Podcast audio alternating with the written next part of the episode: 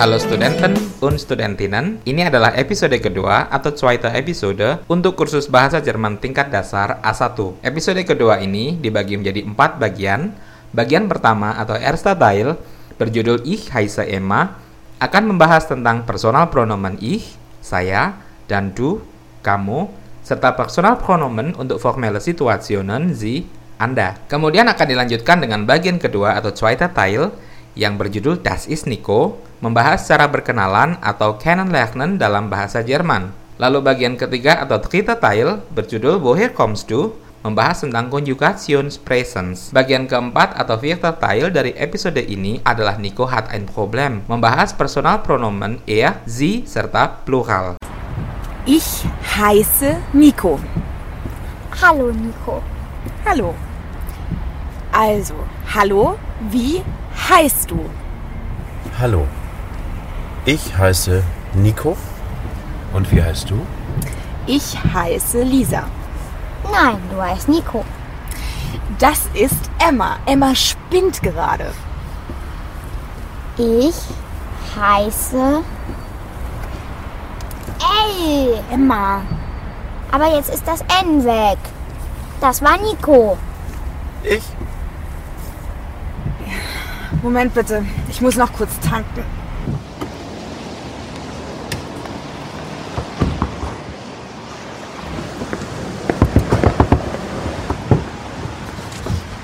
Taxi! Stopp! Während sie im Stau stehen, ketika mereka berada di tengah kemacetan, üben Emma und Lisa mit Nico. Emma dan Lisa berlatih dengan Nico. Sie vorzustellen, perkenalan diri. Als Lisa schließlich an einer Tankstelle hält, ketika Lisa akhirnya berhenti di sebuah pompa bensin, um zu tanken untuk mengisi bahan bakar, erkennt Nico plötzlich das Taxi wieder. Tiba-tiba, Nico mengenali taksi, indem seine Tasche davon gefahren ist, yang membawa tasnya pergi. Mari kita dengarkan sekali lagi dialog pada bagian pertama ini.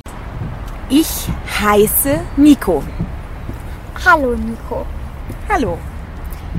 Also, hallo, wie heißt du? Hallo. Ich heiße Nico. Und wie heißt du? Ich heiße Lisa. Nein, du heißt Nico. Das ist Emma. Emma spinnt gerade. Ich heiße Ey, Emma. aber jetzt ist das N weg. Das war Nico. Ich? Moment bitte. Ich muss noch kurz tanken.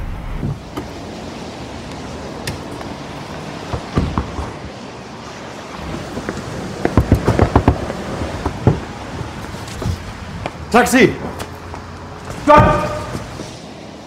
Baru saja kita telah mendengarkan Teil, sekarang mari kita bahas personal pronomen. Apa itu personal pronomen? Personal pronomen adalah kata ganti yang digunakan untuk menggantikan orang, benda, atau keadaan. Dalam bahasa Jerman, personal pronomen dikelompokkan menjadi tiga. Namun, sekarang ini kita hanya akan membahas dua saja. Kelompok pertama adalah personal pronomen nach Person atau kata ganti orang berdasarkan pembicara dan kelompok kedua adalah personal pronomen nach Numerus atau kata ganti ganti orang berdasarkan jumlah. Personal pronomen nach Person dibagi lagi menjadi tiga, yaitu das Pronomen der ersten Person atau orang pertama yang berperan sebagai pembicara.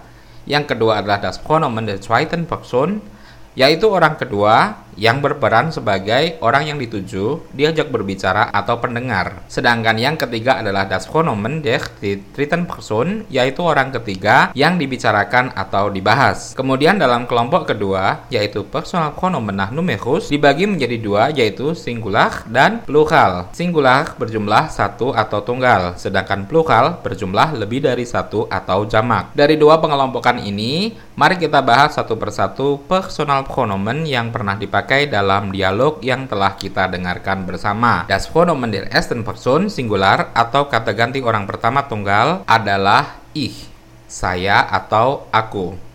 Sedangkan das Pronomen der zweiten Person singular atau kata ganti orang kedua tunggal adalah du, kamu.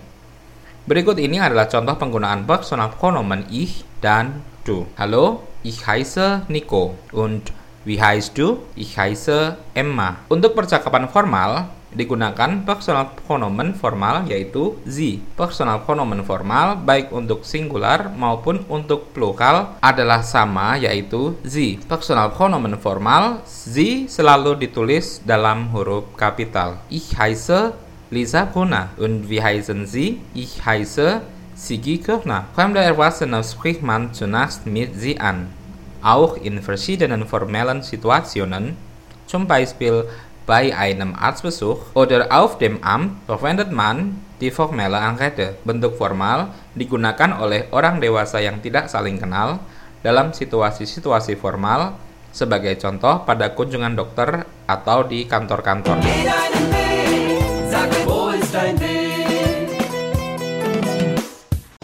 Nico! Stopp! Sag mal, spinnst du? Was ist denn? Die Tasche. Die Tasche? Welche Tasche? Warte, Emma. Die, die Tasche in there. Da ist keine Tasche. Hallo, ich bin Lisa Brunner. Das ist Nico. Nico sucht seine Tasche. Und? Ist Nikos Tasche in Ihrem Taxi? Nikos Tasche? Nein, die Tasche ist nicht im Taxi. Nein. Wo? Keine Ahnung, wo deine Tasche ist. Hier ist die Tasche nicht. Komm, wir suchen die Tasche. Suchen. Komm, Nico. An der Tankstelle stoppt Nico das Taxi. Di pompa bensin, Nico menghentikan taksi indem er seine Tasche vermutet yang ia curigai membawa tasnya. Lisa versucht, den erbosten Taxifahrer zu beruhigen. Lisa mencoba menenangkan supir taksi yang marah und stellt sich und Nico vor dan memperkenalkan dirinya dan Nico. Währenddessen öffnet Nico den Kofferraum. Sementara itu, Nico membuka bagasi. Bagaimana? Apa kalian masih penasaran dengan Zweiter Teil? Baiklah, mari kita dengarkan dialognya sekali lagi. Nico! Stopp! Sag mal, spinnst du? Was ist denn? Die Tasche. Die Tasche? Welche Tasche? Warte, Emma.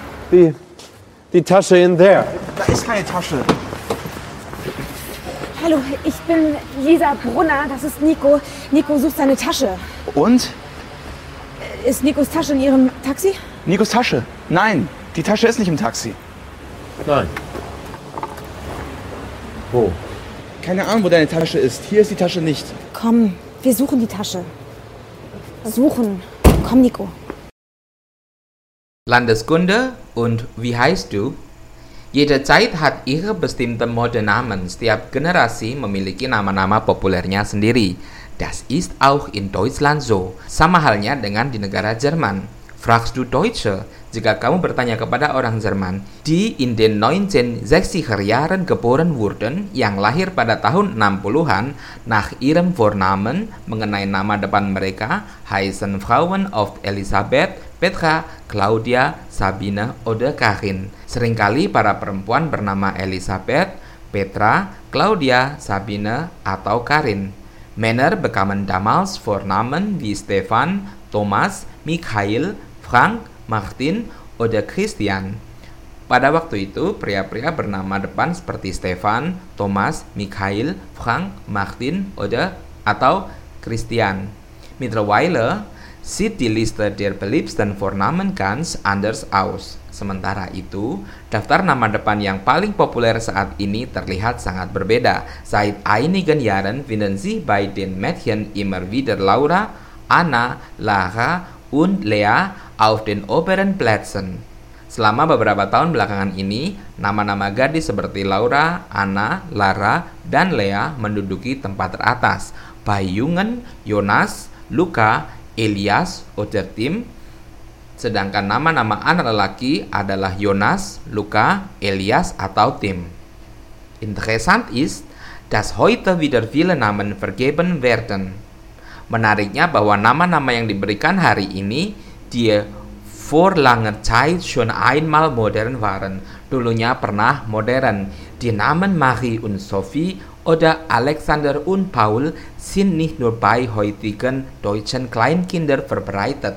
Nama-nama seperti Marie dan Sophie atau Alexander dan Paul sudah tidak lagi umum diberikan kepada anak-anak Jerman sekarang ini. Kakek nenek buyut mereka sudah dinamai demikian. Andere Namen sind Klassiker und nie aus der Mode gekommen. Nama-nama yang lain adalah klasik dan tidak pernah ketinggalan zaman. Vornamen wie Max oder Anna kommen in allen Generationen sehr häufig vor. Nama depan seperti Max atau Anna sangat umum di semua generasi.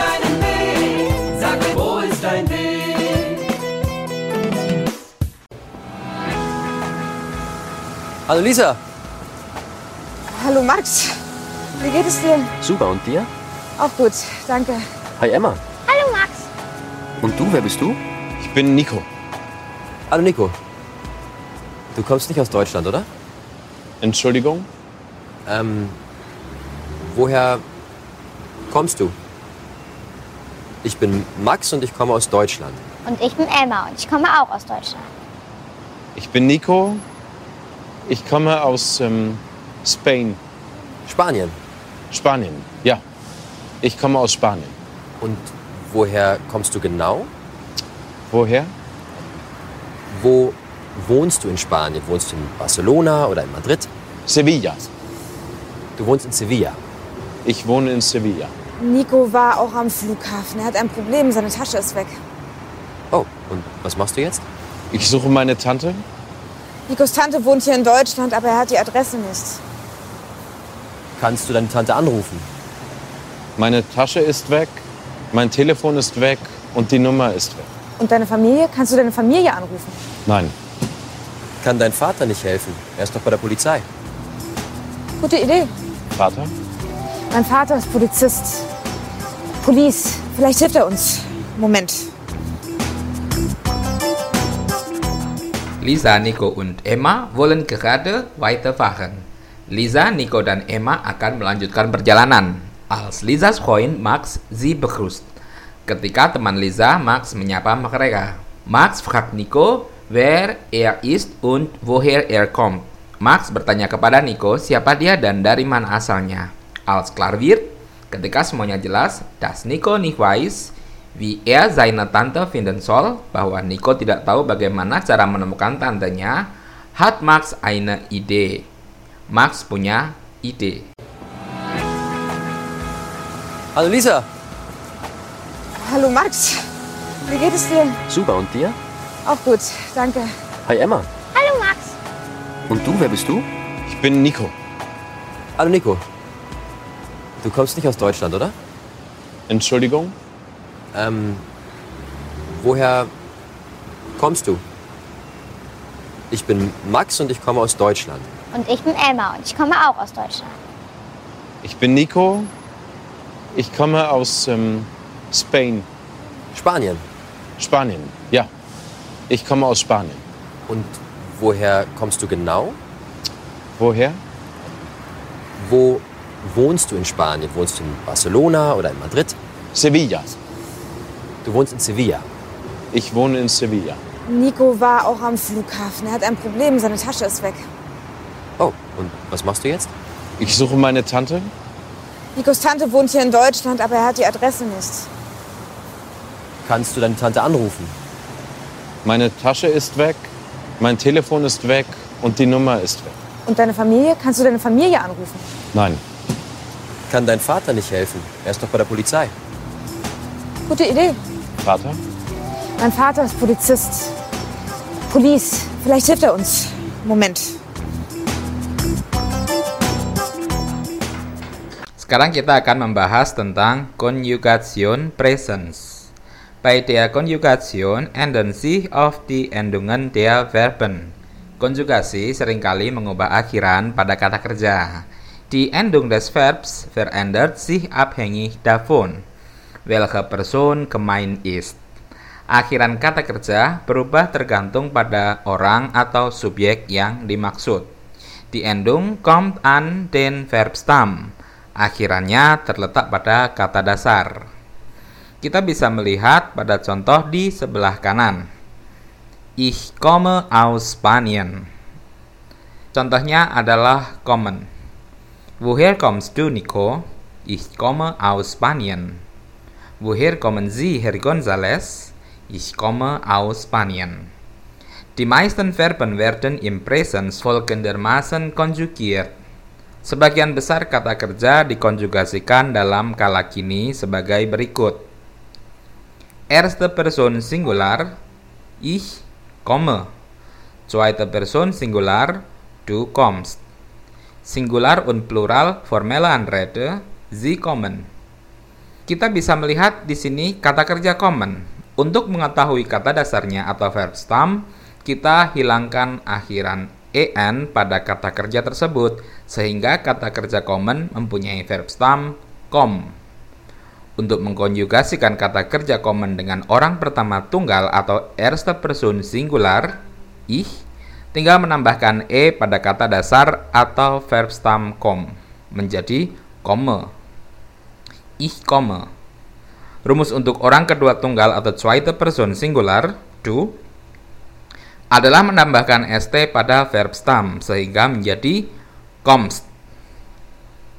Sedangkan untuk singular dan plural pada formelle Anrede, rumusnya adalah menambahkan en pada verb stem sehingga kembali lagi menjadi common. When der Verbstamm auf einem S, SZ, Z oder X endet, wird in der zweiten Person Singular nur ein T angefügt. Jika kata dasar diakhiri dengan S, SZ, Z atau X, hanya T yang ditambahkan dalam konjugasi pada orang kedua tunggal. Das Verb sein und andere wichtige Verben in Deutschen sind unregelmäßig. Lerne deshalb immer di Verformen mit. Kata kerja sein dan kata kerja penting lainnya dalam bahasa Jerman mempunyai bentuk tidak teratur. Jadi selalu pelajari bentuk kata kerjanya. Beispiel sein.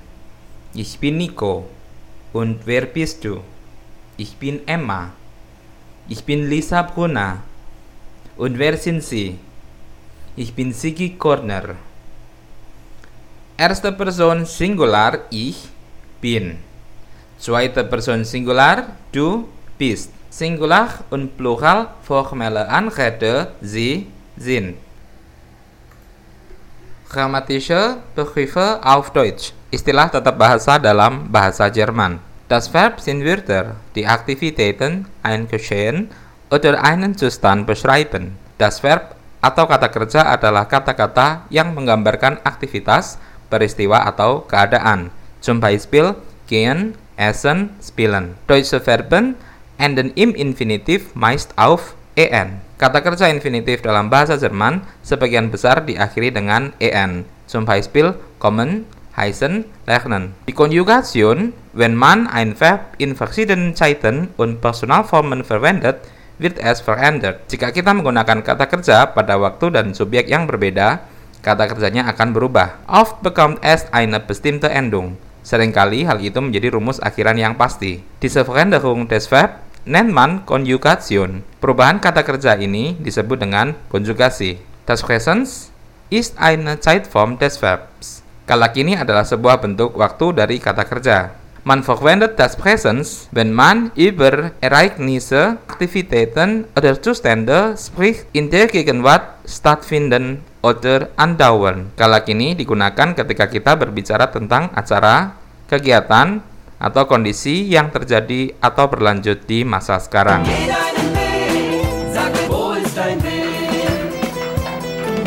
Polizeirevier Ost, Brunner hier. Ah, hallo Lisa, wie geht's dir? Was ist los? Geht es Emma nicht gut? Äh, doch, keine Sorge, Emma geht es gut, aber Nico hat ein Problem. Er war auch am Flughafen, er kommt aus Spanien. Ja, genau, er kommt aus Spanien und er hat ein Problem. Seine Tasche ist weg und er spricht nicht gut Deutsch. Hat er Papiere? Einen Ausweis? Oder einen Pass? Hast du einen Pass? Passport? Nein, Nikos Pass ist in seiner Tasche. Aber er hat ein Foto von seiner Tante. Sie wohnt auch hier in Deutschland, aber Nico hat die Adresse nicht. Meine Tante, she has a bicycle shop. Seine Tante hat ein Geschäft, ein Fahrradgeschäft. Wir suchen also eine Adresse? Die Frau hat ein Fahrradgeschäft. Richtig? Okay. Dann komm doch mit Nico zur Polizei. Danke, Papa. Gerne. Bis später. Bis später. Und? Vielleicht kann mein Vater uns helfen. Er hilft. He helps. Super. Danke. Mach's gut, Lisa. Ciao, Emma. Tschüss, Max. Ciao Nico. Viel Erfolg. Lisa telefoniert mit ihrem Vater. Lisa menelepon ayahnya. Er bei der Polizei arbeitet, yang bekerja di kepolisian. Sie soll mit Nico zur Polizeistation kommen. Dia dengan Nico harus datang ke kantor polisi. Vielleicht kann ihr Vater Nico helfen. Mungkin ayahnya bisa membantu Nico. Polizeirevier Ost, Brunner hier. Ah, hallo Lisa, wie geht's dir? Was ist los? Geht es Emma nicht gut? Äh, doch, keine Sorge, Emma geht es gut, aber Nico hat ein Problem. Er war auch am Flughafen, er kommt aus Spanien. Ja, genau, er kommt aus Spanien und er hat ein Problem. Seine Tasche ist weg und er spricht nicht gut Deutsch. Hat er Papiere? Einen Ausweis? Oder einen Pass? Hast du einen Pass? Passport? Nein, Nikos Pass ist in seiner Tasche. Aber er hat ein Foto von seiner Tante. Sie wohnt auch hier in Deutschland, aber Nico hat die Adresse nicht. Meine Tante, she has a bicycle shop. Seine Tante hat ein Geschäft, ein Fahrradgeschäft. Wir suchen also eine Adresse? Die Frau hat ein Fahrradgeschäft. Richtig? Okay. Dann komm doch mit Nico zur Polizei. Danke, Papa. Gerne. Bis später. Bis später. Und? Vielleicht kann mein Vater uns helfen. Er hilft. He helps. Super. Danke. Mach's gut, Lisa. Ciao Emma. Tschüss, Max. Ciao Nico. Viel Erfolg. Personal pronomen er, sie, und plural. Melanjutkan bahasan tentang kata ganti atau personal pronomen pada erster Teil yaitu erster Person Singular, ich, zweiter Person Singular, du, dan formelle personal pronomen baik singular maupun plural, sie. Kali ini kita akan membahas dritte Person Singular und plural. Das Pronomen der dritten Person atau kata ganti orang ketiga dikelompokkan menjadi tiga. Namun kali ini kita hanya akan membahas dua saja, yaitu maskulin und feminin. Dritte Person Singular maskulin adalah er, sedangkan yang feminin adalah sie. Konjugasi dritte Person Singular adalah verb stam ditambah t. Contohnya, er heißt Nico. Sie heißt Lisa. Kita bisa membaca dalam tabel maskulin er heißt, feminin sie heißt. Personal pronomen untuk jumlah jamak atau plural contohnya adalah Nico sagt, wir heißen Nico und Emma. Nico fragt, wie heißt ihr? Nico sagt, sie heißen Lisa und Emma. Bisa dilihat dalam tabel Erste Person wir heißen. Zweite Person ihr heißt. Dritte Person sie heißen.